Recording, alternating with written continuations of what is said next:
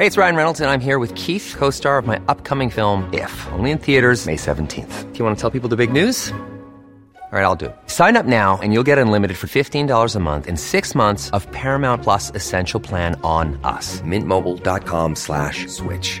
Upfront payment of $45 equivalent to $15 per month. Unlimited over 40 gigabytes per month. Face lower speeds. Videos at 480p. Active Mint customers by 531.24 get six months of Paramount Plus Essential Plan. Auto renews after six months. Offer ends May 31st, 2024. Separate Paramount Plus registration required. Terms and conditions apply if rated PG. I'm Sandra, and I'm just the professional your small business was looking for. But you didn't hire me because you didn't use LinkedIn jobs. LinkedIn has professionals you can't find anywhere else, including those who aren't actively looking for a new job but might be open to the perfect role, like me. In a given month, over 70% of LinkedIn users don't visit other leading job sites. So if you're not looking on LinkedIn, you'll miss out on great candidates like Sandra. Start hiring professionals like a professional. Post your free job on linkedin.com/people today.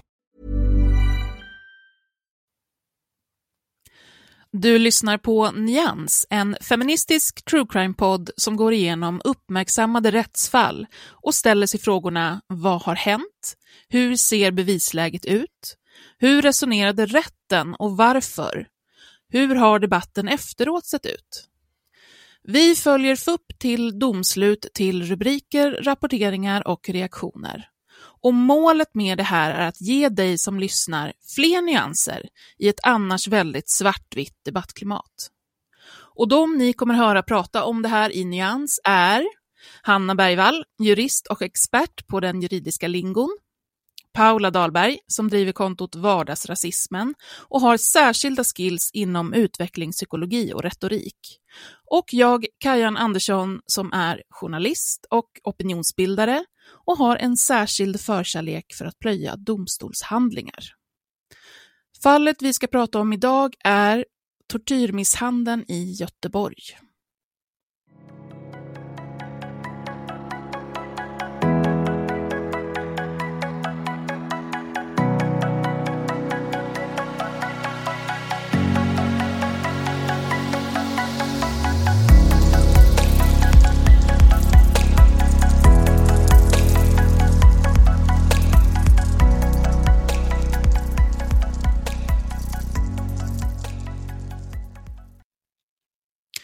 Hej gänget, hur mår vi? Hej, hej. Nu, jag, nu mår jag bra. Efter allt det här teknikkaoset så är jag helt svettig. Ehm, Ja, men en timme En senare. timmes kaos. mm.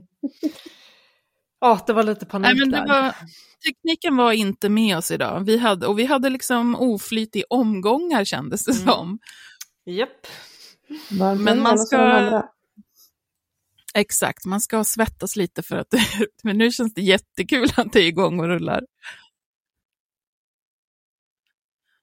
Hur tycker ni att det har varit med, med tortyrmisshandeln? Det, alltså det här, bara säga det, det låter som en så dålig deckare.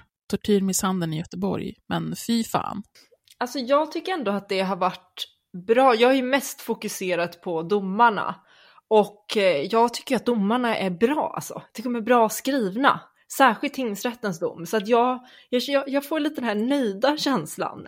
Eh, det Mm. känns skönt att inte behöva skämmas för sitt eh, yrkesval och så. Eh, utan att jag det. kan ändå vara så här, jo men nu, nu gjorde ni bra ifrån er, tack så mycket.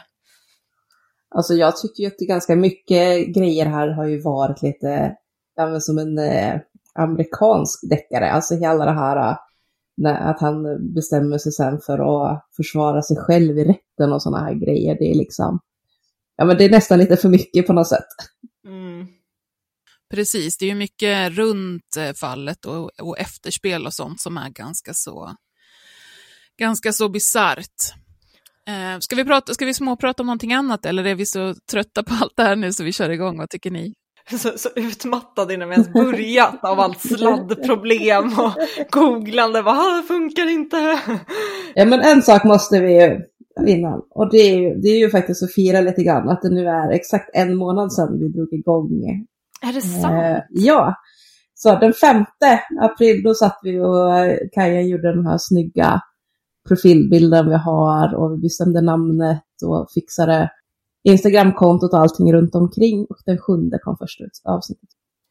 Wow. Shit, vi är på femte avsnittet nu. Det tycker Ja. jag är starkt jobbat. Ja, Ja, det, så det kan vi ju fira lite grann i allt kaos. ja, definitivt. Ja, det tycker jag. Klapp på axeln. Och nu kan vi köra igång. Exakt. Men räkna ihop hur många, hur många domstolshandlings eh, och FUP-sidor vi har läst på bara de här fem. För det har ju varit saftiga grejer. Det har ju Mm. varit saftiga FUPar och sen så i många fall har det ju varit eh, både tingsrätt och hovrätt. Mm. Någon gång så borde vi, vi borde lägga alla på hög och se hur många meter det blir sen. Ja. Efter typ tio avsnitt kanske. Åh gud, äh, men vi, tar, vi tar och sätter igång.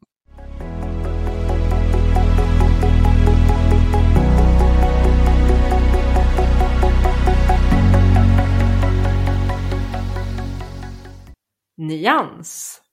Ett händelseförlopp är det som jag ska gå igenom, som vanligt. Ehm, kvinnan, eh, den som utsätts i det här fallet, har vi döpt till Lisa, hon heter någonting annat, och mannen, han som utsätter, kallar vi för Resa.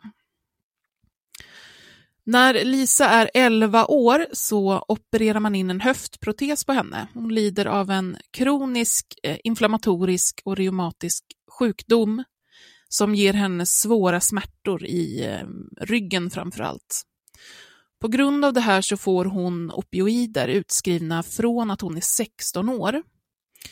Det här gör att Lisa fastnar i ett missbruk, ett blandmissbruk, som senare kommer att bestå av eh, framförallt heroin, men även en rad andra droger. Lisa åker in och ut på mm, behandlingshem och får LVM-vård, det vill säga lagen om vård av missbrukare. Det får hon åtminstone två gånger. När vi kommer fram till år 2020 så har Lisa förlorat vårdnaden om sina två barn och hon kämpar med sitt missbruk. I april det året, 2020, så det var ju verkligen nyss, så träffar hon Resa. De blir snabbt ett par och Lisa flyttar in med honom i det rum som han hyr i en villa i Göteborg. Det är ett, ett hus med flera hyresgäster. Man har sett bilder, ser nästan ut som en, en korridor med olika rum. Eh, så man har eget rum och så delar man kök och badrum. Så där flyttar Lisa in med Resa. Resa är arbetslös, har mycket fri tid. Han har själv missbrukat tidigare men uppger att han har blivit ren. Och nu tar han på sig rollen att, att hjälpa Lisa att göra samma resa. Eh, det ska sägas redan nu att när paret har sex under sin relation så har Lisa uttryckt att hon tycker om att bli smiskad med handen. Eh, Det känns som en konstig sak att säga, men ni kommer att förstå senare varför det här är relevant. I början av juni, så det är ganska kort tid efter att de har träffats, så blir relationen allt mer stökig. Lisa berättar att Reza låser in henne på rummet när hon har abstinens och att han inte släpper ut henne trots att hon ber om det. Eh, konflikterna, om man ska kalla dem för det, blir fler och fler och andra hyresgäster i huset berättar hur de hör Resa gapa och skrika på Lisa. Några tror att han slår henne. I början av juli så gör Resa och Lisa slut. Men den 9 juli så ska Lisa ändå tillbaka till Resas rum eh, om hon ska lämna något eller hämta något. Och eh, Resa säger då att hon ska ta med sig hans shorts som har lämnats kvar i Lisas föräldrars hus i Trollhättan. Och sen startar det här händelseförloppet som Resa och Lisa berättar två väldigt olika versioner av. Vi ska börja med att gå igenom vad Lisa har berättat.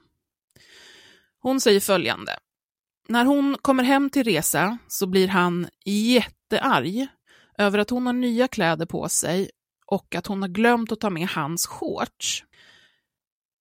Eh, han tycker att det här är det värsta han någonsin har blivit utsatt för eh, och bestämmer sig därför att de omgående ska åka tillbaka till Trollhättan och hämta de här shortsen och att Lisa sen ska få ett straff. Lisa vill inte åka men känner sig tvingad och följer till slut med. Vid föräldrarnas hus så är Resa minst lika arg Lisa får väldigt begränsat med tid på sig, jag tror att han säger att hon får två minuter på sig, eh, att hitta de här shortsen och, och hämta dem. Och under tiden så beter sig Reza väldigt irrationellt och aggressivt mot hennes familj. Han skriker och hotar och härjar. Eh, Lisa hittar till slut shortsen och överlämnar dem. Men kvar i Resas bil ligger hennes väska med kläder och ägodelar och hon eh, behöver ju den.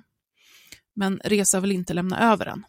Så han övertalar henne att följa med i bilen och till slut så gör hon det. Fast hon uttryckt att hon inte vill. Reza säger att han ska släppa av henne vid tågstationen, men gör inte det, utan fortsätter att köra till Göteborg. De stannar för att köpa dricka på vägen och Reza säger att han inte tänker låta henne vänta själv i bilen, utan han tvingar henne att följa med in. Lisa säger att hon är väldigt rädd och skakad efter det som hände i föräldrahemmet. Vid åtta, halv nio-tiden på kvällen så parkerar Resa vid ett industriområde i Göteborg, nära där han bor. Han säger att hon måste få sitt straff. Och det är alltså straff för det här, hur hon glömde hans shorts. Han är aggressiv och väldigt hotfull. Efter en stund, eh, de står och dividerar där vid bilen, efter en stund så ser Lisa ingen utväg utan hon följer med honom. Från bagageutrymmet så tar han med sig bland annat rep, tejp och ett stearinljus. Han leder henne till källaren i ett ödehus. Det var becksvart. Lisa är otroligt rädd. Han tänder ljuset och säger till henne att ta av sig kläderna. Och de är i källaren och i taket i källaren så hänger hållare för rör som har varit där tidigare. Det ligger också en sunkig madrass i ett hörn. Resa säger att han ska hänga upp henne och ge henne straffet. Lisa berättar hur Resa pratar konstigt och osammanhängande. Han pratar till exempel om påvens sändebud och han kallar henne för äcklig och hora. Han blir mer och mer aggressiv och säger till henne att sluta spela rädd, att han vet att det bara är fejk. Till slut vågar hon inte annat än att ta av sig kläderna, men hon ber honom sluta upprepade gånger och både visar och säger att hon är rädd. Resa binder hennes handleder, drar händerna över hennes huvud. Han fortsätter att binda hennes kropp, från händerna, över och under brösten, ner till vristerna. När hon är fastbunden i taket så piskar han henne med repet. Han slår henne också med ett skohorn i metall. Den här natten eh, bara fortsätter. Det är lång tid som det här pågår. Hon blir slagen, piskad, spottad på. Hon blir nypt, kallad olika saker och hotad. Bland annat med att det ska komma in andra män och våldta henne och att Resa ska trycka upp en petflaska i rumpan på henne. Han binder om henne på olika sätt. Lisa ber upprepat om att få bli nersläppt, men han säger att då tar det bara längre tid. Han tejpar henne med silvertejpen och sätter på henne munkavle. Lisa är även drogpåverkad vid det här tillfället, vilket hon berättar gör upplevelsen ännu mer skräckinjagande. Hon har dödsångest. Han tar ner henne någon gång så att hon får sitta på madrassen och dricka lite vatten, får ta några bloss på en cigarett. Sen binder han upp henne igen. Han häller också stearin över henne, över hennes nakna kropp och örfilar henne. Resa säger här också till henne att om det skulle komma in någon i det här ödehuset och upptäcka dem, så ska hon säga att de har BDSM-sex. Till slut så får hon komma ner och Resa tycker att hon ska följa med tillbaka till hans bostad för att tvätta av sig och sminka sig. Medan de går, alltså ut från ödehuset, så skriker och gormar han på henne att hon går fel. Hon ska gå snabbare, hon ska gå långsammare, hon ska gå på andra sidan om honom. De kommer fram i alla fall till bostaden, hon blir tillsagd att duscha och tvingas sen att ligga och kramas med honom i 30 minuter. Och Lisa vågar inte göra annat. Sen får hon tillåtelse att gå. Lisa har nu väldigt ont på olika delar av kroppen, men framförallt i ett finger efter att han har kastat en stol på henne. Hon tänker att det är brutet och att hon måste till sjukhuset.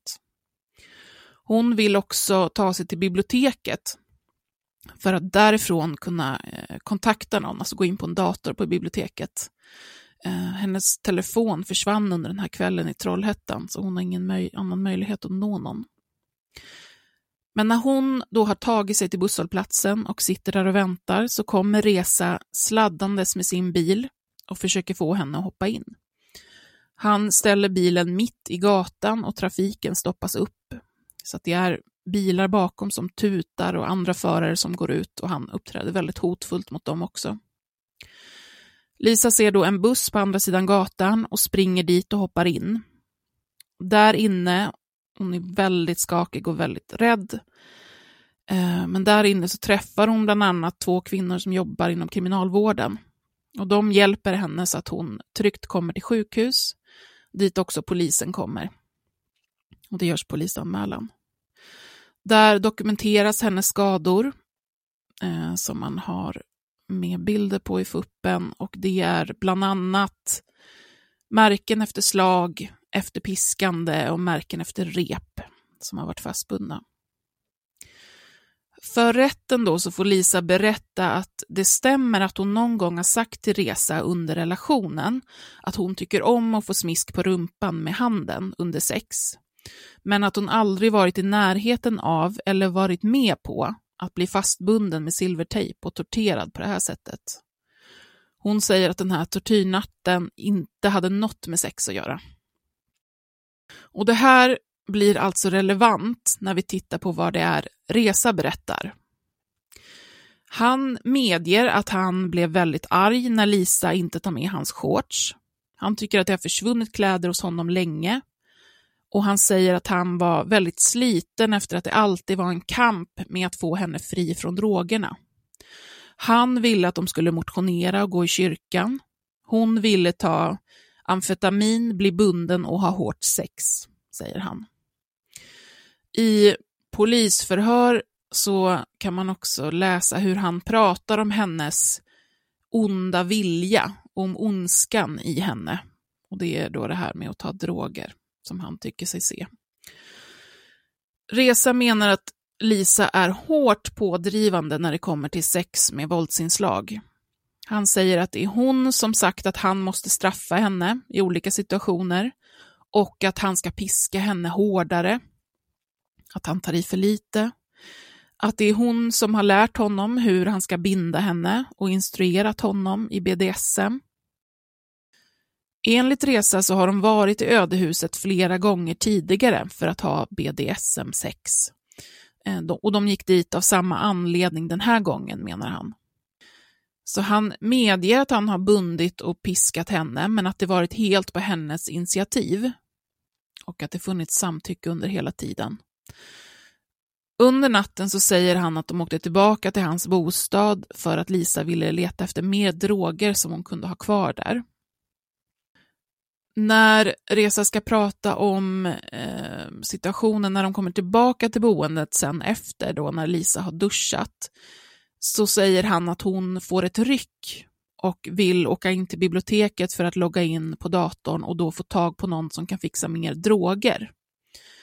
Han vill inte följa med och försöker övertala henne att inte göra det, eh, men hon drar iväg ändå. Till slut så åker han efter och när han kommer till busshållplatsen så är det för att försöka stoppa henne från att åka och ta mer droger.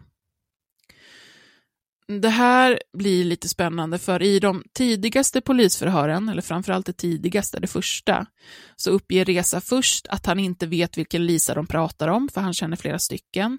Sen att de bara är vänner. Och så säger han också att han har aldrig varit i det här ödeshuset tidigare. Sen så ändrar ju han sig och kommer med en helt annan berättelse. Eh, den här om att de har varit där massor med gånger och haft BDSM-sex. Men det här menar han i efterhand eh, att han uppgav för att han gick i sömnen under det här första polisförhöret. Eh, och han tycker också att polisen borde ha märkt det.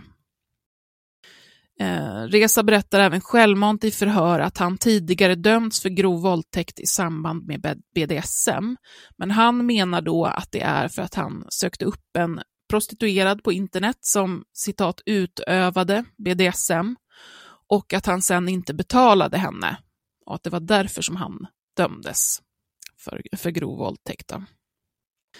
Det blir också väldigt tydligt i polisförhören hur osammanhängande Reza är.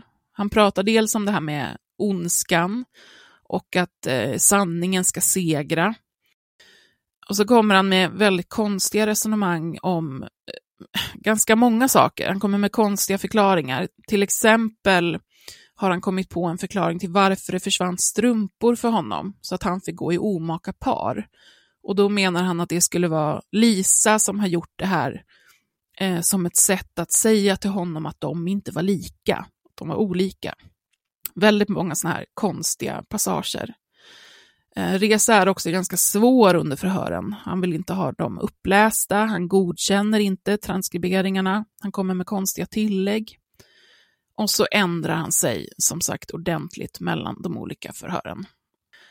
Eh, och där är vi framme vid eh, rätten. Tingsrätten först och främst, eller hur Hanna?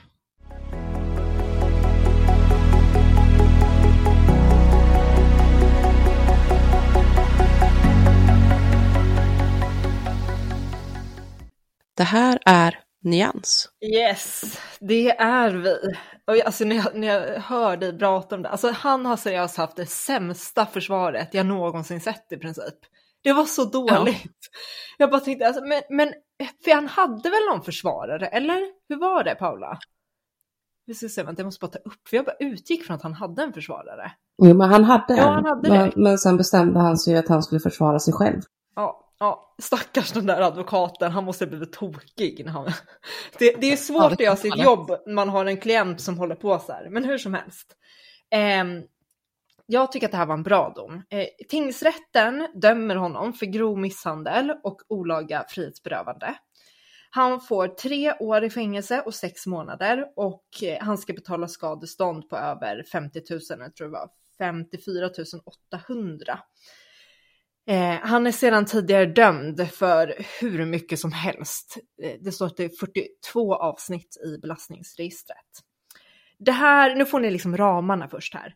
Eh, det här överklagas till hovrätten och hovrätten säger att tingsrätten, ni skrev en jättebra dom, vi håller med er om allting. Eh, och sen så överklagas det här också till Högsta domstolen och Högsta domstolen säger varför, alltså varför kommer ni till oss? Vi kan inte hjälpa er typ. Och så de får inte prövningstillstånd.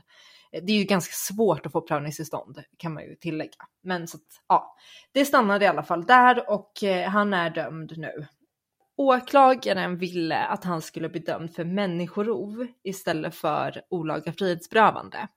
Och eh, man kan väl säga att de, de två eh, rubriceringarna är nästan samma sak, men att människorov är liksom lite mer avancerad form av olaga frihetsberövande och lite värre skulle jag säga. Eh, det som gjorde att han blev dömd för olaga frihetsberövande istället är för att eh, målsägande, hon, eh, vad var det vi kallade henne, förlåt, nu glömde jag. Eh, Lisa. Lisa, förlåt. Lisa, de men, tingsrätten säger att Lisa följde med honom frivilligt eh, och att därför man inte kunde döma för människorov. Och eh, det man också säger att eh, man, man går in och pratar lite om det här med deras maktbalans och sådär. Eh, och att det kan ju vara så att han har väldigt stark påverkan på henne.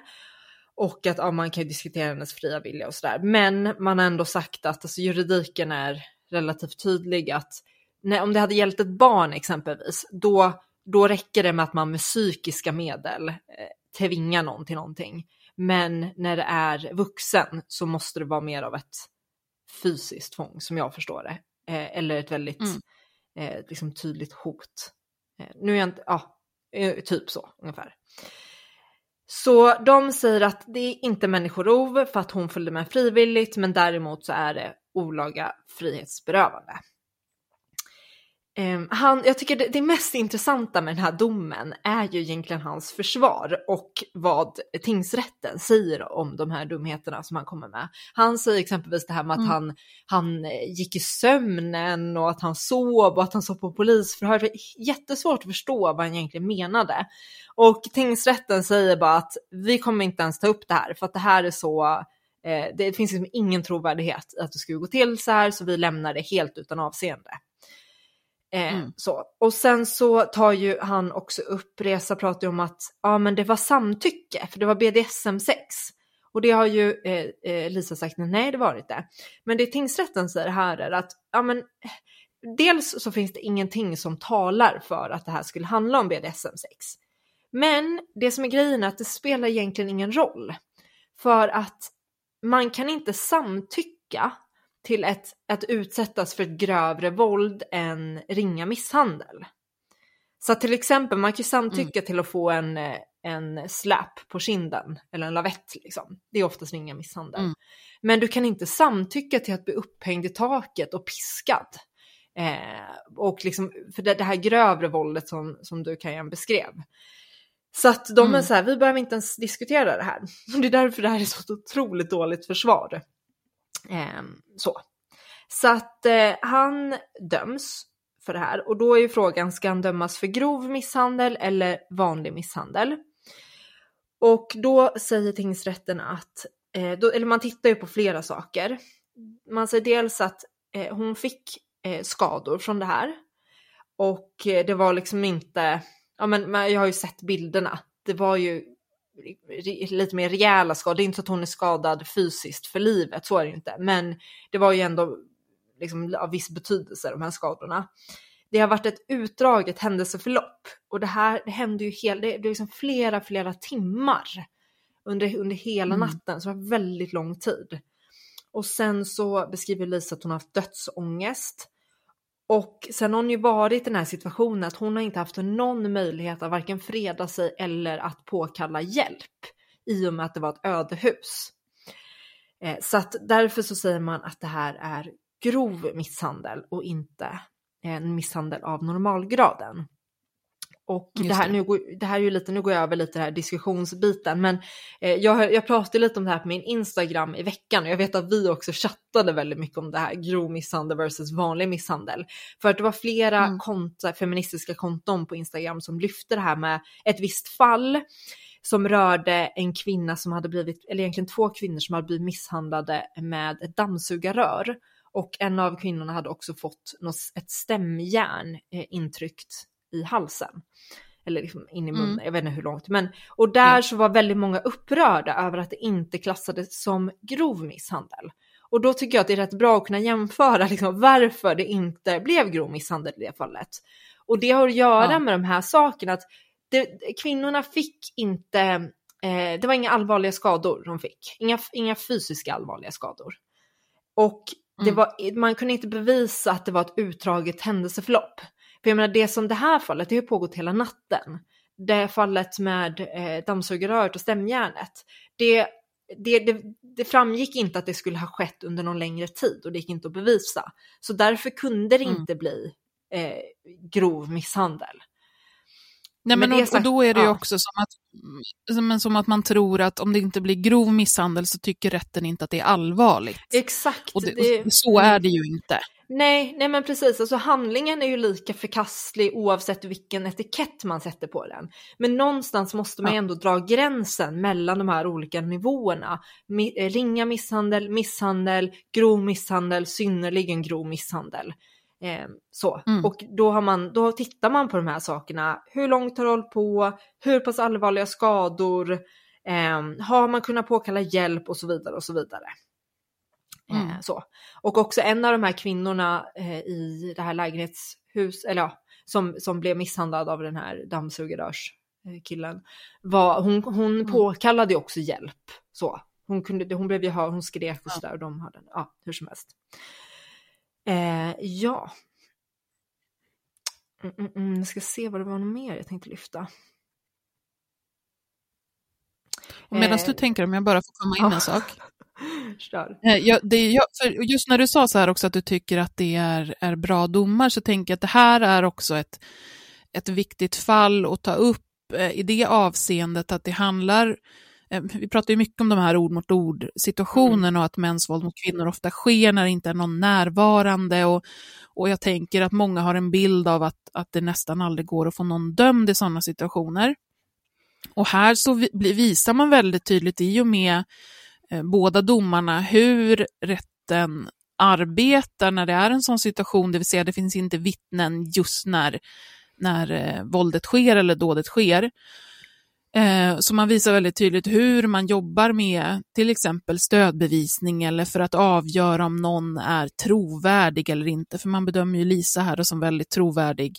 Eh, och, då, och det är ju baserat på olika saker, till exempel att hennes liksom, skador stämmer väl överens med det hon berättar och att, att Resa inte är trovärdig för att han kommer med de här, eh, de här konstiga berättelserna och, och, och passagerna som inte stöds av någonting, någonting annat eller känns rimligt. Så Ja, ur- exakt. för det hänseendet så är den ju väldigt eh, en, en viktig, ett viktigt fall att ta upp så. Ja, alltså det är ju så, folk blir dömda, det är inte ovanligt på något sätt att folk blir dömda när det är ord mot ord situation. För att man tittar ju på vad finns det för annan bevisning? Har vi ett gäng, stöd, ett gäng med stödbevisning, teknisk bevisning, bevisning på vilka skador, eh, vittnen som har träffat eh, offret direkt efter och sånt där. Då, då kan Mm. man definitivt döma någon. Så att ehm, Ja. Ehm, och sen, men, men det blir ibland, jag får ju väldigt många som skriver till mig om, om just de här situationerna och ofta när det är så att det har eh, någon förundersökning som har lagts ner där det har varit en ord mot ord situation. Och oftast i de fallen så är det ju att det inte, den här stödbevisningen inte finns. Och det kan vara att det har gått Mm. väldigt lång tid ibland från att man anmäler, från att det hände och, och sådana där grejer. Ehm, men, men jag vill ändå liksom inge lite hopp att det är inte kört bara för att man inte har, har det på film eller det inte finns vittnen som ser själva händelsen. Det är det inte. Nej. Eh, Nej. Sen tycker jag också, det jag gillar med den här domen också är att man, man lyfter det här med maktförhållanden mellan parterna. Mm. Eh, och det tycker jag är en väldigt positiv utveckling, att man, att man börjar förstå, förstå sig på det här. Att Ja. det kan påverka ens eh, hur, en, hur målsäganden väljer att agera. Om det att hennes fria val kanske inte är fritt på det sättet. Eh, även fast de kommer fram till att eftersom hon är vuxen så juridiken är så att hon kan inte bli dömd för människorov trots att hon skulle varit påverkad. Men, men det är ändå bra tycker jag att man börjar ta upp och prata om de här sakerna. Så. Ja, Eh, och människorovet är ju det här att han, han drar ju inte in henne i, i huset eller liksom Nej. håller en pistol mot henne så, så det är inte den typen av tvång, utan det är ju mer ett... Hon, hon är väldigt rädd och vågar inte göra någonting annat, så hon går med. Ja, ja men exakt. Hade hon varit ett barn så hade, nog, hade man kunnat se på det annorlunda. Eh, Ja. Men, men hon blir ju ändå, hon blir, han blir ju ändå dömd för, för det här fast genom rubriceringen olaga frihetsberövande. Eh, Mm. så. Och det som är lite intressant är skillnaden, anledningen, man skulle också kunna tänka att han bara skulle blivit dömd för grov misshandel. Men det tingsrätten säger är att den här misshandeln pågick inte under hela den här perioden som hon eh, var fast i det här ödehuset. Och att det är därför Nej. är två brott som har begåtts. Eh, dels det det. olaga frihetsberövande och misshandeln. Men alltså det här är egentligen det jag hade om själva domen. Den är, eh, det, den är bra, kort och koncist och bra. Eh, så. Det var ingenting som jag reagerade på som skulle vara dåligt med den. Eh, hovrätten eh, håller med och säger också att det är en bra dom. Eh, så. Så att, ja, Ja, det var man det. är ju väldigt tydlig med att, att, att resas um, alltså påhitt om, om de här olika sakerna, om samtycket som inte stöttas av någonting och om den här att han går i sömnen under polisförhör och därför säger helt andra saker. Är liksom, jag tycker att det är så roligt när man ska i en dom på ett så väldigt så här, korrekt och icke-värderande sätt som möjligt uttrycka sig, men hur de ändå är så väldigt tydliga med att ja. alla tycker att han snackar skit och ingen ja, tror på men honom. Alltså, det är som man, man kan verkligen se den här domaren som skriver det här och bara muttrar på jävla ja. idiot typ. Och bara, ja. och så kan, ja. jag kan inte skriva det. Men det är två grejer jag kommer att tänka på också med det här som jag ändå tycker är viktiga att poängtera. Det finns ibland en uppfattning, framförallt bland feminister skulle jag säga, om att män på något sätt bara kan säga nej men jag sov och, och på det sättet blir friade. Så är det absolut ja. inte. Det här att man, nej. nej. alltså det är inte så. Visst, det, det förekommer, men det är extremt ovanligt att mm. eh, någon säger att ja, men jag sov när det hände så att jag, jag kan inte, jag är inte skyldig. Eh, mm. Jag skulle säga att det är ofta så här att tingsrätten bara, alltså det här är det dummaste jag hört. Det är självklart att du inte sov. Eh, men också, vad var det jag tänkte mer? Eh, eh, eh, nej men nu tappade jag den här andra tanken. In ja men det finns väl på samma sätt finns det väl finns det väl också föreställningar om att ja, men mannen behöver bara säga att hon var med på det. Mm, Eller då ja, liksom eh, hänvisa våld till att det är mm, BDSM med, med samtycke. Mm. Och den här domen visar ju ganska tydligt på att så, så enkelt är det inte, att de kan vifta med det kortet och så eh, kommer de undan med det, utan man tittar ju på många fler, många fler saker. Ja, och sen ska jag också säga att det här med att man inte kan samtycka till grövre våld än ringa misshandel, det är inte på något sätt nytt. Det här, så har det varit jättelänge och mm. jag kommer ihåg på juristprogrammet hur, hur vi diskuterade det här just med det här BDSM-6. Eh, och också eh, i förhållande till kampsporter kan det här bli lite knepigt ja. också. För då kan det ju vara väldigt grovt våld. Men ja, det, det kan bli lite knepigt det här. Paula, vad säger du om allt?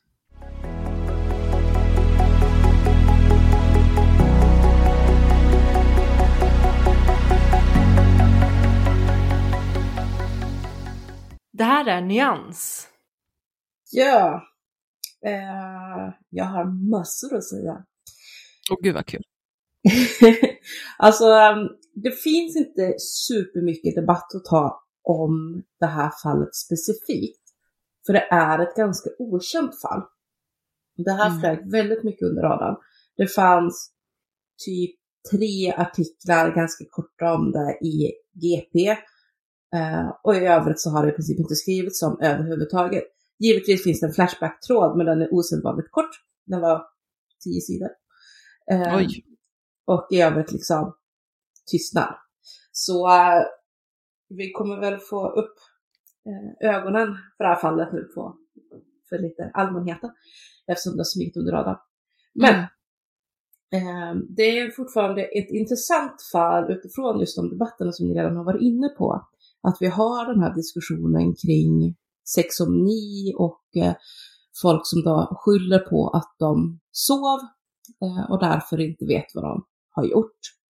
Men också att det funnits en, en hel del fall där man eh, förövaren då har skyllt på BDSM, både i fall av våldtäkt, grov våldtäkt, och i fall av mord.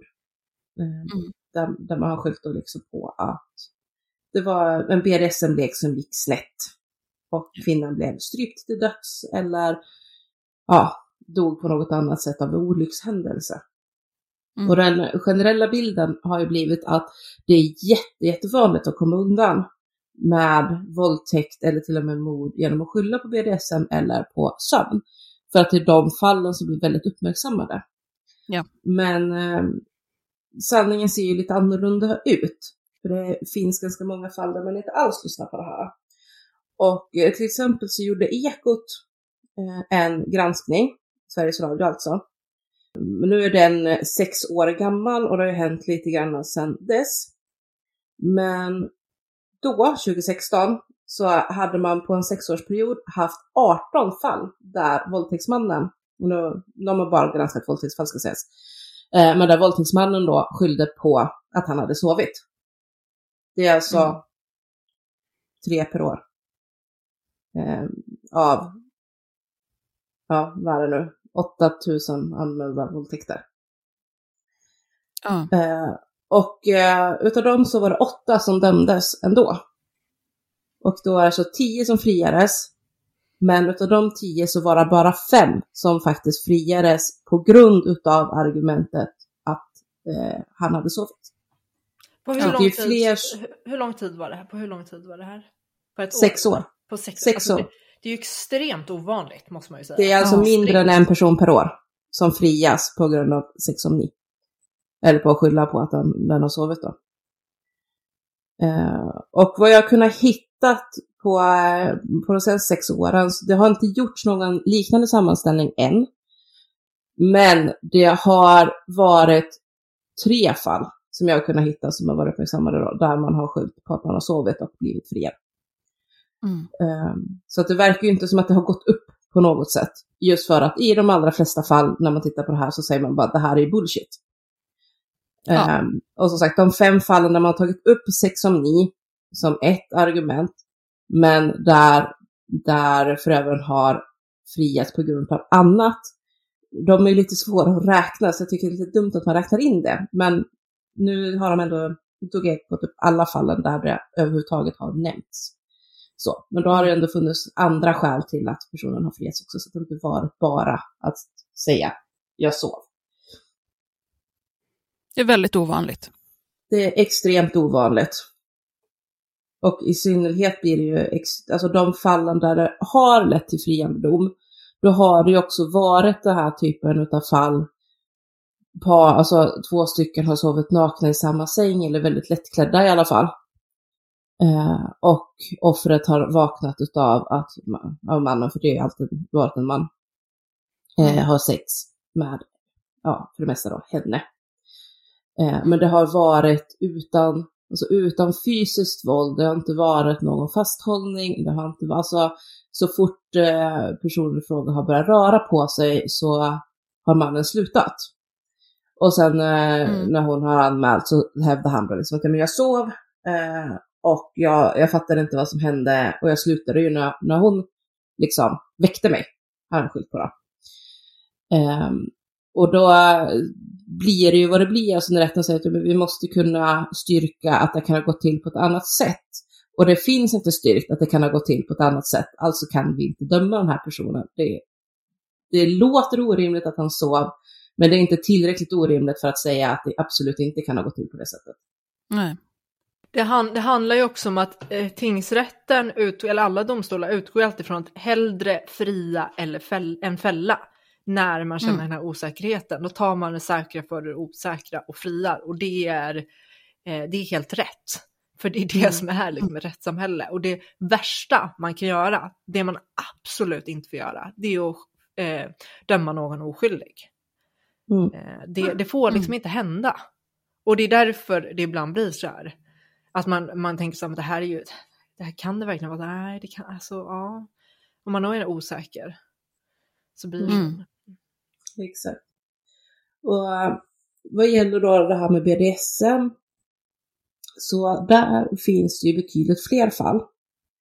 Och där det hamnar i den här situationen att kunna säga att ja, men vi kan inte bevisa att det inte kan ha handlat om BDSM. Det, det skulle kunna vara så.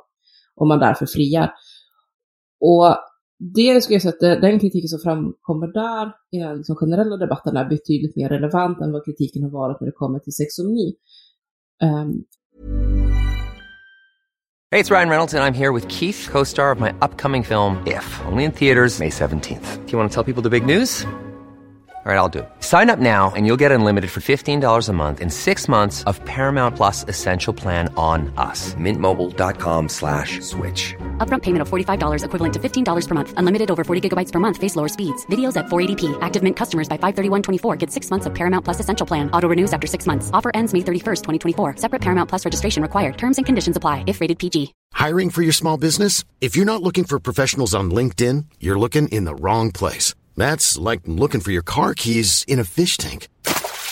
LinkedIn helps you hire professionals you can't find anywhere else, even those who aren't actively searching for a new job but might be open to the perfect role. In a given month, over 70% of LinkedIn users don't even visit other leading job sites. So start looking in the right place. With LinkedIn, you can hire professionals like a professional. Post your free job on linkedin.com slash people today. Och i grund och botten som är ganska mycket som blir kritik kring rättsväsendet så handlar det ju om en brist i fortbildningen. Att eh, många har liksom inte kunskap om vad BDSM är eller hur det fungerar. Samtidigt vill man inte sitta i en rättssal och vara kanske onödigt dömande kring människors sexualitet, för det mm. vet man är fult. Och mm, resultatet blir eh, att man kör lite så att, ja men om ni säger att det är så här det kan ha gått till så kanske det är så här det kan ha gått till. Eh, för vi vet inte hur BDSM ska funka, så då måste vi lita på vad den här förövaren säger om hur BDSM ska funka. Och stämmer det så som han säger, ja men då kan det här mycket väl ha varit BDSM. Um, mm. Och detta liksom, även ett uppmärksammat fall till exempel med eh, en kvinna och en man som haft konversation eh, typ en Tinder-date, de har pratat om sex, de har även pratat om BDSM, men ingenstans i konversationen så står det liksom att de ska ha sex när hon kommer dit och ännu mindre att de ska ha BDSM. Eh, och eh, han våldtar henne, eh, inklusive då våldsinslag på olika sätt med, med slag och binder henne och sådana grejer. Och efteråt när hon anmälde så skyller han ju på att ja, men det var ju BDSM. Vi hade ju pratat om BDSM och jag trodde att hon ville och att hon skrek nej och försökte att värja sig sådär, ja men det såg han som en del utav BDSM-leken. Och rätten går på det här att ja men det, det kan mycket väl vara så BDSM funkar och om han då hade uppfattningen att det var BDSM så eh, hade han ju inte uppsåt. Alltså kan vi inte döma för våldtäkt. Det här var innan samtyckslagen. Man kunde inte ta i beaktande huruvida han faktiskt frågar henne om hon ville ha sex eller ha sex med BDSM-inslag. Jag tror att det här hade fått en annan utgång idag. Det tror jag faktiskt. Det tror jag ja. också. Men där och då så var det, så, var det liksom så rätten resonerade att eh, ja, men han säger att det, det är så här BDSM går till, ja men då kanske det var så. Idag hade man ju frågat om hela den här samtyckesgrejen, men då gjorde man inte det. Men jag tror att den typen av fall, även fast lagen har ändrats, så, så hänger det kvar i människors medvetande om att det är så här det gick att komma undan. Och därför, eh, ja, men, men det, blir, det blir ju också så här, de fallen som lyfts och får mycket uppmärksamhet, det är ju när förövaren kommer undan på sådana här eh, grunder liksom. Det lyfts mm. ju inte de fall som det här vi pratar om, här, här köpte ju inte tingsrätten det. Nej. Och det, blir, det är därför jag tror många kan få uppfattningen om nej men det är bara att säga så. så, så, eh, vi, så här, kvinnor har ingen eh, rättssäkerhet. Det, vi, yeah. det oh, gud nu tappar jag mm. ordet, men ni fattar vad jag menar. Just för att det blir, ja. man får en sån, kan få en så felaktig uppfattning när man bara tittar på de här fallen som får mycket uppmärksamhet.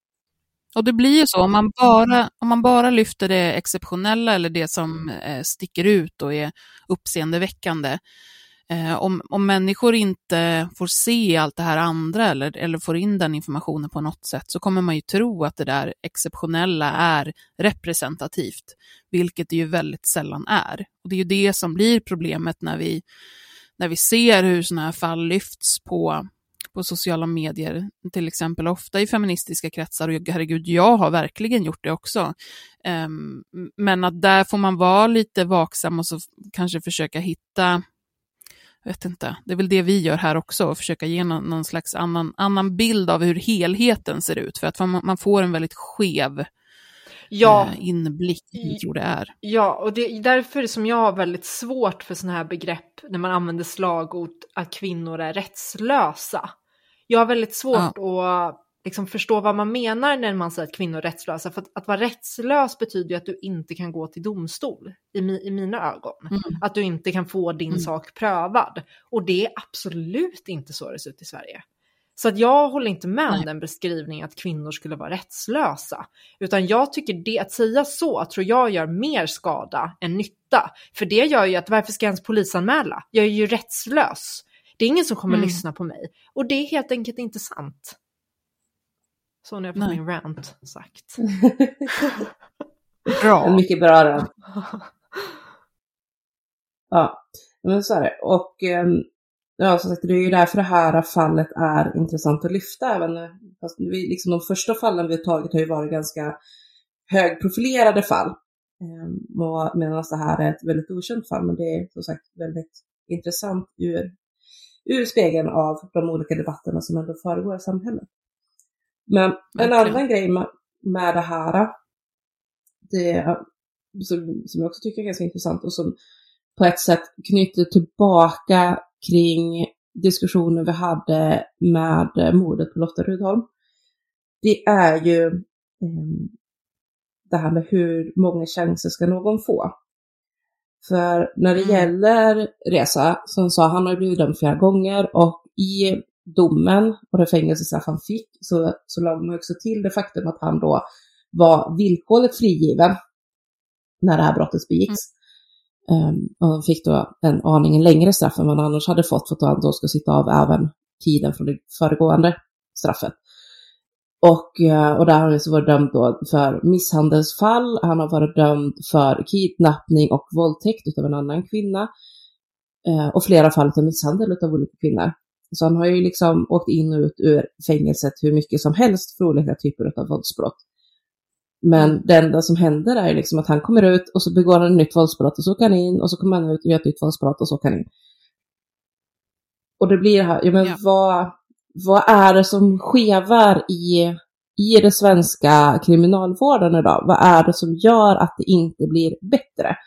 Eller är det helt enkelt så att det i det här fallet inte kan bli bättre? Och hur många chanser ska han då kunna få? Mm.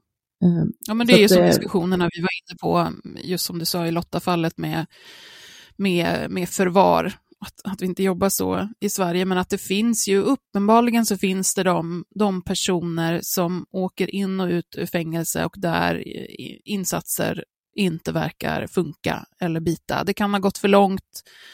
Um, de, de, kan ha blivit förstörda som personer på massor med olika sätt i barndomen eller vad som helst. Um, eller så det händer bara ingenting. Historien bara upprepar sig själv och hur hanterar vi då det? Hur tar mm. rättssystemet höjd för att de fallen också finns? Exakt.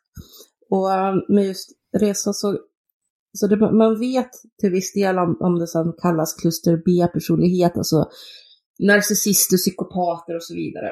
Det är ju att det kan vara en uh, copingmekanism, en reaktion på uh, barndomstrauma att, att mm. personer liksom för att skydda sig själv som litet barn får, eh, ja men dels eh, gör sig av med sin empati, trycker undan sin empati för andra människor. Men också blir väldigt manipulativ och väldigt självcentrerad, liksom bara för att överleva överhuvudtaget. Och jag skulle inte bli förvånad om det är fallet med, med Reza, för man vet ju om honom att han såg sin mamma bli mördad när han var åtta år gammal av sin egen pappa. Och innan dess har liksom mm. levt i, i ett hem med våld. Och efter det så blev det liksom fram och tillbaka i olika fosterhem, olika liksom så situationer. Och precis som med Martin där, liksom att samhället tappar bollen på något sätt. Och när han väl liksom börjar bli tonåring så, så börjar ju kriminaliteten, precis som för, för Martin. Ja, och här tänker jag verkligen att, att det sitter säkert någon och lyssnar som är så här, men gud, ska de sitta och, och, och ursäkta det de, det de här männen gör nu med att de hade det tufft i barndomen? Och det är jättemånga som har det tufft i barndomen och inte blir eh, kvinnomisshandlare och mördare. Men, men det här är ju verkligen alltså typ exemplet på att hålla flera tankar i huvudet samtidigt. De här sakerna måste vi ju titta på. Ska vi tänka att vi ska arbeta förebyggande, eh, det vill säga inte enbart strafffokuserat utan förebyggande, hur gör vi för att det inte ska bli fler sådana här personer och fler sådana här fall, så måste vi ju titta på vad det är som orsakar det. Vad har de här personerna eh, gemensamt och vad kan det finnas för förklaringar till att det blir så här? För det är ju också någonting man då ska plocka upp i kriminalvården med eh, hur man försöker att, eh, att hantera och få de här personerna till att sluta vara återfallsförbrytare. Så det är verkligen, det här är ingenting som ursäktar ett beteende, men det kan förklara saker och det är saker som vi måste eh, är skyldiga att ta in och, och tänka kring. Nej, men jag håller helt med dig Kajan om det och det är också någonstans att, att förstå är ju ändå på något sätt grunden till att kunna jobba förebyggande, att förstå vad det är som är ja. problemet, varför det blir så här. Men jag skulle säga generellt så tycker jag debatten är på tok för strafffokuserad. För att, och he, det är ja. liksom, hela fokuset är vad man ska göra efter att skadan redan är skedd. Och jag tycker det på något sätt är så sorgligt för då utgår vi bara från att den här, vi, vi ska ha den här skadan, att, att kvinnor ska fortsätta utsättas. Eh, för att jag menar, den forskningen som finns idag visar ju på att hö högre straff, eh, det funkar ju inte för att förebygga. Så det kommer ändå fortsätta hända. Och jag tror att det är samma sak om fler döms. Så tror inte jag att det skulle resultera i att färre våldtar exempelvis. Utan det är någonting annat som vi måste göra också. Och när jag har eh, försökt hitta så här, vad är det egentligen som man behöver göra om man inte ska bara hålla på och joxa med straffen. Och det, det jag har kunnat hitta är så här att vi vet faktiskt inte riktigt vad som funkar. För det finns inte så mycket Nej. forskning på det här. Det, eller det mm. finns i princip ingen forskning. Vi har ju massa olika metoder och man ska arbeta förebyggande på olika sätt. Men de här metoderna är inte vetenskapligt liksom belagda. Så, så att jag tänker att det är där man vill hälla in pengar är ju hur mm. ska vi förebygga det här och vilka metoder är det eh, som kommer funka så och utvärdera det. Mm. Uh. Ja, men jag håller med. Det var en artikel nu som cirkulerar runt om eh, personer då, bland annat från föreningen Män, men inte enbart, det var flera artiklar som cirkulerar runt, där man då pratar med män som eh, använder våld i i sina nära relationer. Och genom olika ja. typer av samtal då försöker få då männen att göra bättre, att sluta använda våld. Och mm. då har man lyft i, i någon av artiklarna i alla fall, eventuellt i alla, jag har inte riktigt läst alla så, men, men i flera så att man inte polisanmäler. Om man får veta då liksom att, att den här mannen har pågående våld i sin relation. Och, eh, och man säger att anledningen till att man inte polisanmäler, men däremot försöker förmå mannen att polisanmäla sig själv, är ju för att eh, bygga tillit. Att man kommer inte få de här männen att uppsöka stödverksamhet för att sluta slå om de vet att ja, men gör jag det så kommer jag bli polisanmäld direkt. Då kommer de ju bara hålla sig borta. Ja. Och um, många är ju liksom jättekritiska till det här för att de menar liksom att det är att dalta med männen, du hu hu, man tycker bara synd om männen, man tar bara hand om männen, men kvinnorna då? Och eh, även de som liksom menar att det enda det här innebär är ju att männen får nya verktyg till sin manipulation. Och det finns mm. det inget belägg för att det skulle bli så. Däremot så finns det faktiskt belägg för att eh, riktad samtalsterapi och eh, sådana hotlines att kunna ringa när man, mm. man som man då känner att man vill börja slå eller sånt där, att det faktiskt funkar för att avstyra våld.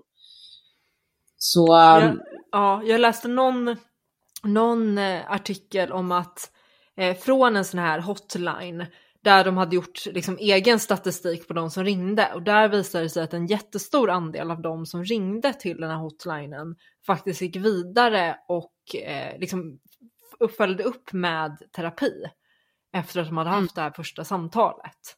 Mm. Eh, och jag tänker, men det säger sig självt att är det så att du vet att du blir polisanmäld om du söker hjälp, då är det ju klart att man inte kommer söka hjälp. Eller Nej. hur? Nej. Mm. Det låter ju Det här är ju egentligen, det här är egentligen samma diskussion som när vi diskuterar eh, pedofili. Så är det ju väldigt mycket sånt att det, det här daltandet med då, och väldigt strafffokuserat eh, och där man ganska tydligt kan visa på vad det är som fungerar för att se till att de här personerna inte fortsätter. Nu är det inte, eh, det är inte alla pedofiler som begår övergrepp på barn och det är inte bara pedofiler som begår övergrepp på barn. Men de personerna som gör det, att, att få dem så att det finns en motvilja till att titta på vad det är som faktiskt fungerar för att de ska sluta med det, därför att man är så fast i den här, jag vet inte, överväldigande känslan av att eh, fördöma Ja, men eh, och ta avstånd på alla sätt Ja, och vis. men också det här med att, att vilja ge igen. Så. Ja. det, men det är också intressant skillnad mot exempel Sverige och USA. Jag hade ju, gjorde ju utbytestermin i USA när jag gick på yrkesprogrammet. Mm. Och där fick jag lära mig att en av grunderna till att man straffar i USA är eh, att ge igen. Så. Mm. Och det, den typen av, vi har inte en sån grund i Sverige. Det vi straffar inte i Sverige för att ge igen. Det är inte en del utav det. Men i andra länder så, så kan det vara det. Och eh, om man tittar på USA, där går det ju inte jättebra när det kommer till rättsväsendet kan man ju säga. Nej. Så jag tror, att det är, jag tror att det är farligt att gå in på den vägen, att man ska börja straffa, inte för ehm, att eh, så här, för, förebygga eh, alltså preven, preventiva orsaker, utan för den, den enskilda orsaken att ge igen. Men det finns en grej som jag gillar med USA. Förutom det vi pratar om, då med eventuell kraftigt modifierad version av det här med Three Strike Rule. Och det, de har ju en sån grej, jag vet inte om det är alla delstater, men i flertalet i alla fall, med personer då som är dömda till eh, livstidsfängelse. Att eh, varje gång de ansöker om att få villkorlig dom eller tidsbegränsat, ja, så att de ska kunna komma ut då, så får eh, offer eller offers anhöriga uttala sig om vad det skulle bli för effekt om den här personen får komma ut.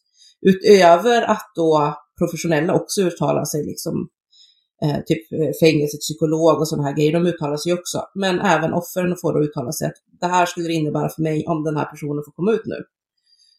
Och Mm. det hade jag kunnat tänka mig att vilja se även i Sverige på de som faktiskt får livstidsdomar. Att innan det får omvandlas till tidsbegränsat så ska man också kontrollera med anhöriga eller offer. Vad blir effekten om vi släpper ut den här personen? Men det är väldigt Ja, intressant. jag har väldigt svårt att se något, jag har väldigt svårt att se något negativt med det. Eh, Så länge man inte har det som, eh, alltså man har ju det som en del av bedömningen, precis som du säger, att man sen tar in andra saker med experter och sånt där, så känns det extremt relevant. Mm. Jag tycker att det, det är väldigt intressant eh, ur, ja, ur liksom straffrättsligt perspektiv. Eh, för att i, jag tänk, nu låter det som en föreläsning där, det, det var trist. Jag kände hur jag var på väg att uttala mig, jag bara det här är så tråkigt. Men jag ska försöka säga det på ett intressant sätt.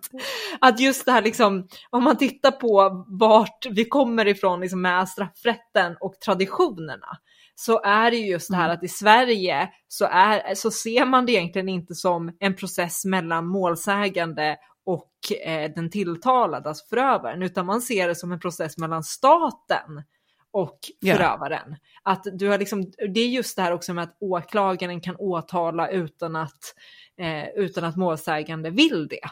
Den kan en, åklagaren kan ändå gå vidare just för att det finns någon tanke om att du, går in, du begår inte bara brott mot målsägande utan mot oss alla genom att du Mm. inte följer vad som är okej i samhället. Eh, Mm. Och jag tror att det är väl där lite som det kan vara skillnad från USA också, att man har mer, tror jag, liksom brottsoffersperspektivet, att det är mer att du har begått brott mot offret och inte så mycket fokus Mm. på staten på samma sätt. Nu, nu killgissar jag lite med det här, men det är i alla fall en tanke. Eh, Så. Det tycker jag du kan unna dig. Ja, tack. tack. Jag tror definitivt det kan ligga en, en delvis förklaring i alla fall i det. De har ju även där liksom att, ja men mord till exempel så är det ju, då är det ju inte mot, eh, då är det ju alltid staten som driver. Det blir ju inte mordoffers anhöriga på samma sätt till exempel. Um, utan då är det ju the state versus någon. Och så vidare. Och så kan det se ut i andra fall också. Så det är inte så att de alltid kör ehm, att eh, ja, offer eller offers anhöriga måste vara med på att det ska bli ett åtal, utan det går ju att gå till åtal även i USA på statens vilja. ja, men där har man ju också, det är lite, olika från delstat till delstat, men det finns ju exempelvis situationer där eh, det inte blir rättegång, utan man kommer överens utan rättegång. Målsägande, eh, eh, åklagaren och den tilltalade. Om vad, så här, men okej, går, går, ni, går målsägande med på att du får det här straffet? Oh, okej, så. Mm. Ehm, Ja. Eh, Och det gör man ju inte i Sverige. Det närmaste vi kommer är väl strafföreläggande på, och då gäller det ju alltid bara eh, mindre brott. Typ bötesbrott och liknande. Mm. Just det. Mm. Men det var Mm. det. Det var det. Är vi klara med Ja. den där? Med det där? Med det, där. Ja, men jag tror det. Så nu ska vi bita tag i veckans snackis.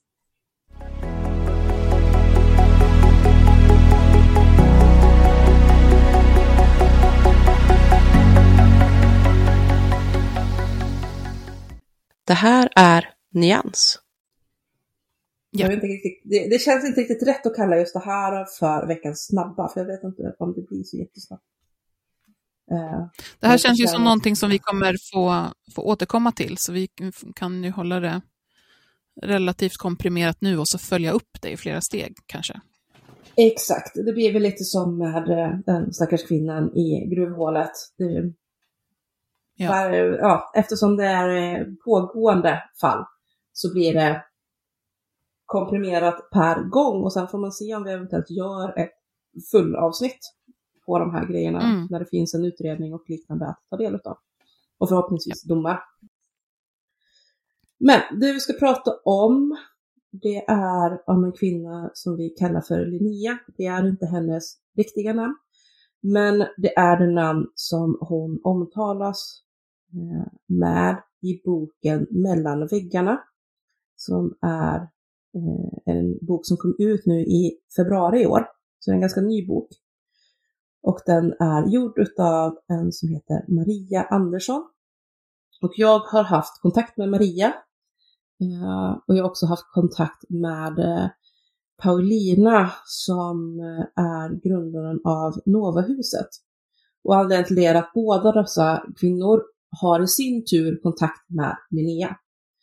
Och boken Mellan väggarna det är en bok om våld i nära relationer och framförallt om våld, eh, mäns våld mot kvinnor. Där Maria har intervjuat olika kvinnor i Sverige, varav de allra flesta på olika sätt lever skyddat undan eh, sina förövare.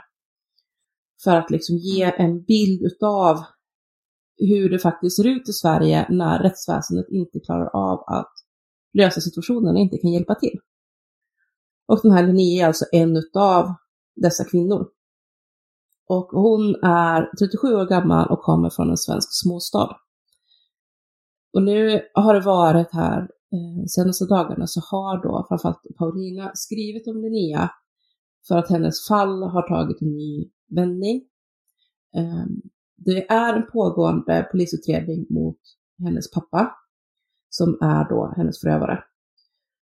Eh, och Linnea har utsatts för sexuella övergrepp ifrån sin pappa sedan hon var ungefär sex år gammal och de här övergreppen har inte slutat. Utan eh, det senaste tillfället enligt Linnea skedde här i, i år, i mars. Och eh, Linnea bor själv i, i en egen lägenhet sedan fyra år tillbaka.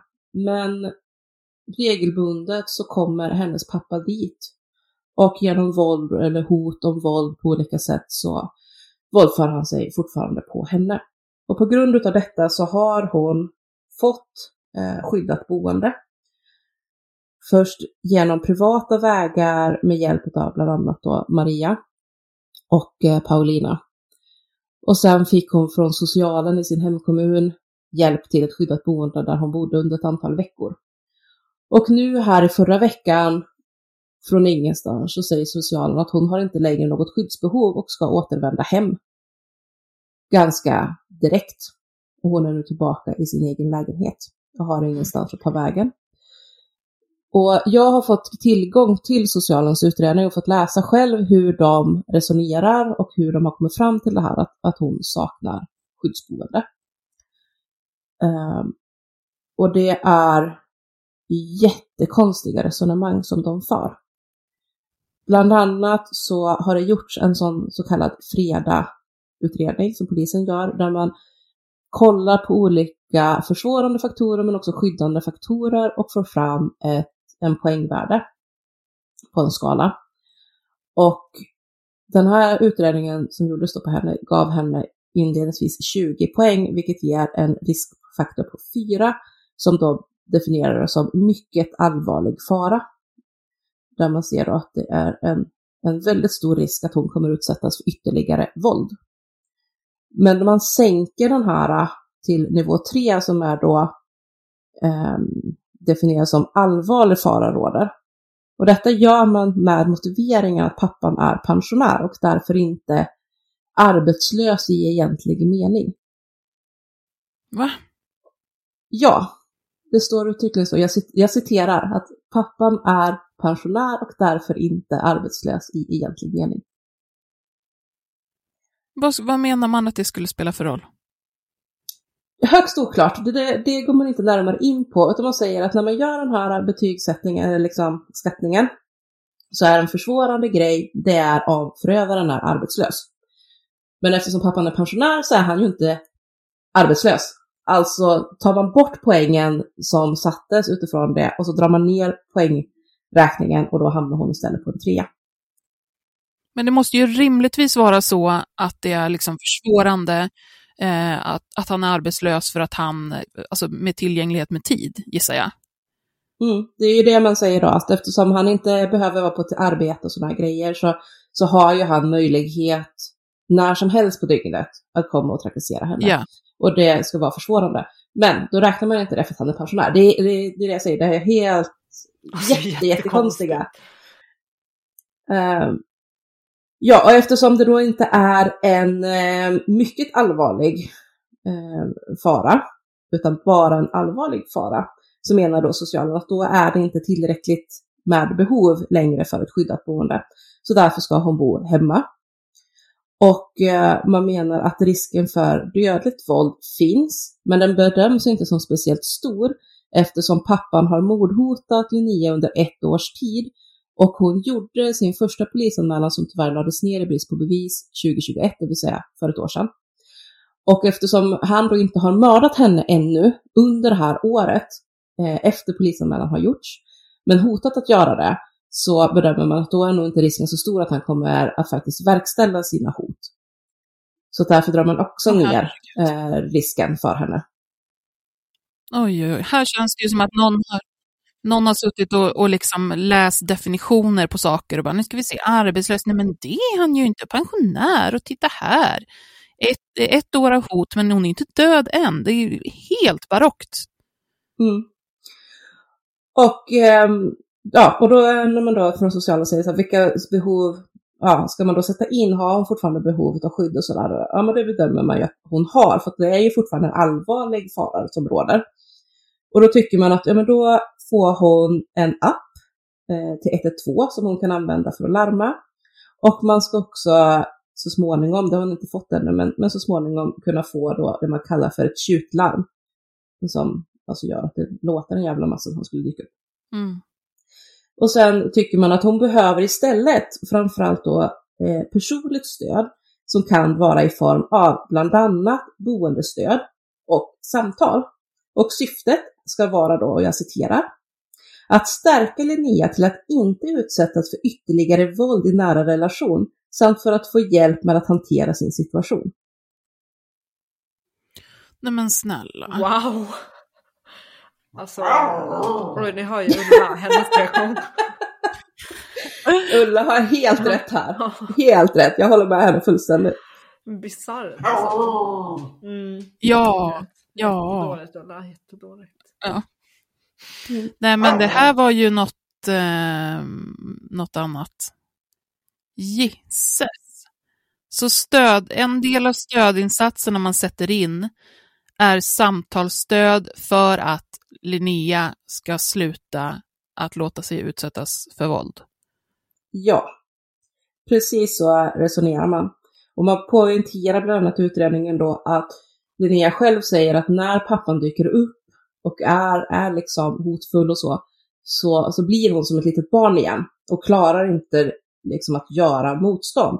Hon fryser, hon blir rädd, hon, hon kan liksom inte säga ifrån. Um, och även om hon försöker så, så blir ju våldet bara värre.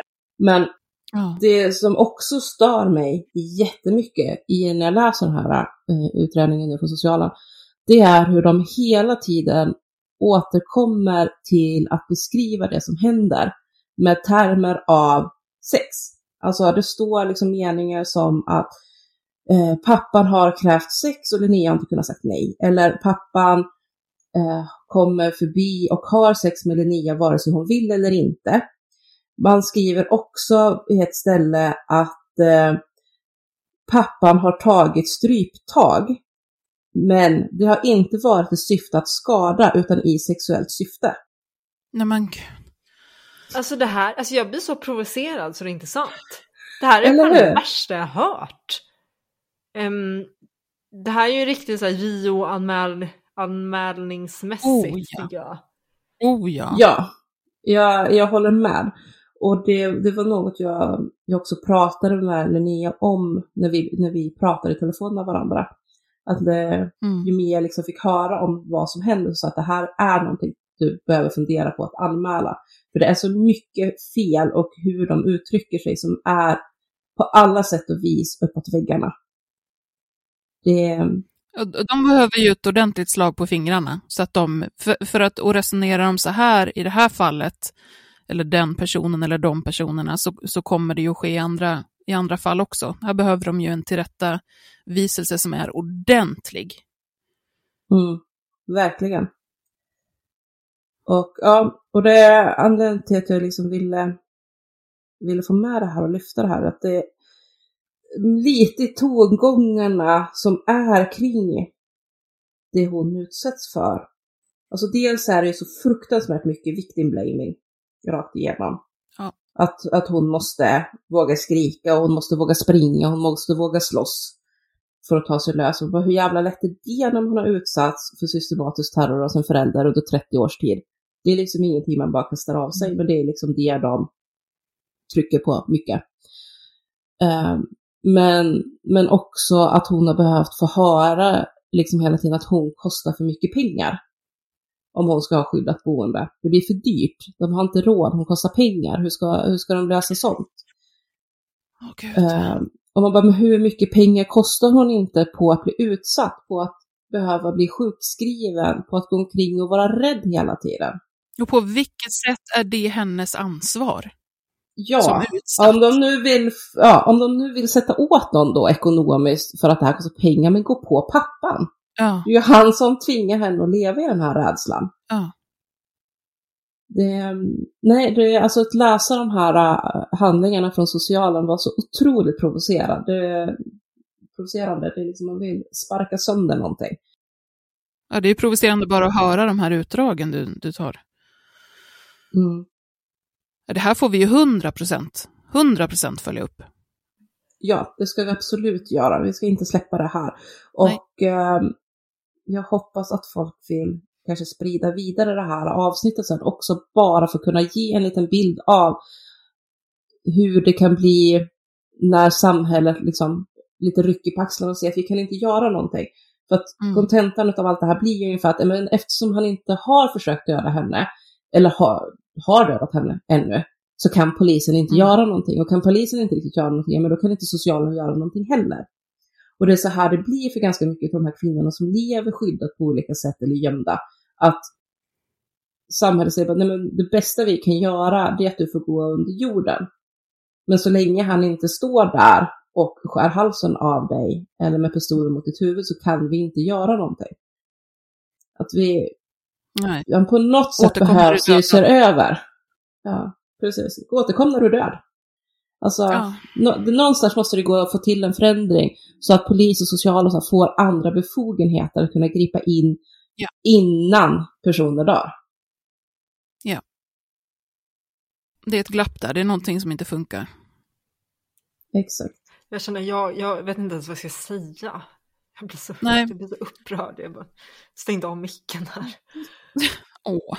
Nej men alltså man går ju från också när vi har suttit och, och diskuterat, men så, ja, men när, när en förövare blir fälld precis så som han ska bli fälld och, och, och eh, både tingsrätten och hovrätten resonerar så som de ska resonera. Eh, och så kommer sånt här där man blir påmind över hur stora jäkla glapp och luckor som det finns. Mm. Och när det kommer till mäns våld mot kvinnor så är det ju för att det är så jävla utbrett och så jävla vanligt så är det här, alltså det är ett sånt enormt problem. Mm. Ja men verkligen. Och det är lite så att, ja men det blir lite här att men det funkar bra med rättsväsendet när det funkar. När det är bra åklagare, när det är bra personer i rätten som, som tittar på fallet och när samhällsinstanser liksom klaffar, då finns skyddet där och det funkar bra om människor kan få ett fungerande liv även efter att ha varit brottsutsatta. Men de där gångerna när mm. det inte funkar, när glappen visar sig så här, då funkar det å andra sidan fruktansvärt, fruktansvärt dåligt. Ja, det får ju sådana konsekvenser också. Det är ju sånt här, det får ju inte inte funka, för det kan få så katastrofala konsekvenser som man inte kan åtgärda sen. Eh, men jag mm. tycker i det här fallet så låter det ju verkligen som att det är handläggare som, som inte gör det de ska så, och gör felaktiga Precis. bedömningar. Men mm. som ni säger så får vi ju följa upp det här. Precis, det ska vi ja, göra. Det gör vi, det gör vi verkligen. Eh, och jättebra Paul att du plockade, plockade upp det där och har researchat det så mycket redan, så får vi fortsätta rulla den bollen. Ja. Och på den lite tyngre tonen så avslutar vi det här. Ja, exakt. Vi ska, ska inte glömma hur det är där ute. I moll avslutar vi. Nej, men vi får väl säga eh, dels lite hurra för oss. Eh, grattis på en månaders dagen. Eh, och vad roligt det var att spela in vårt femte avsnitt av Nyans. Jättekul att ni lyssnar. Eh, tipsa fler som ni tror skulle gilla att lyssna på den här podden, att man skulle tycka att det var intressant, eh, att man skulle kanske lära sig någonting, vore ju toppen. Eh, eller att man har saker som man diskuterar. Och kom också in på vår Instagram, Nyanspodd, och eh, tipsa oss och diskutera avsnitten och fall och så vidare. Och sen också, om ni gillar vår podd så får ni jättegärna ge oss fem stjärnor på Spotify. För att när man kommer till fem stjärnor så eh, hittar folk hit lättare. Så det skulle vi uppskatta supermycket. Detsamma gäller på Apple Podcast. Ja. Toppen, tack, eh, tack Hanna. Ja, så om ni vill ge oss en liten present så, så klicka fem stjärnor. Tack! Eh, tack för att ni lyssnade. Tack så jättemycket. Puss och kram, hej då! Hej då!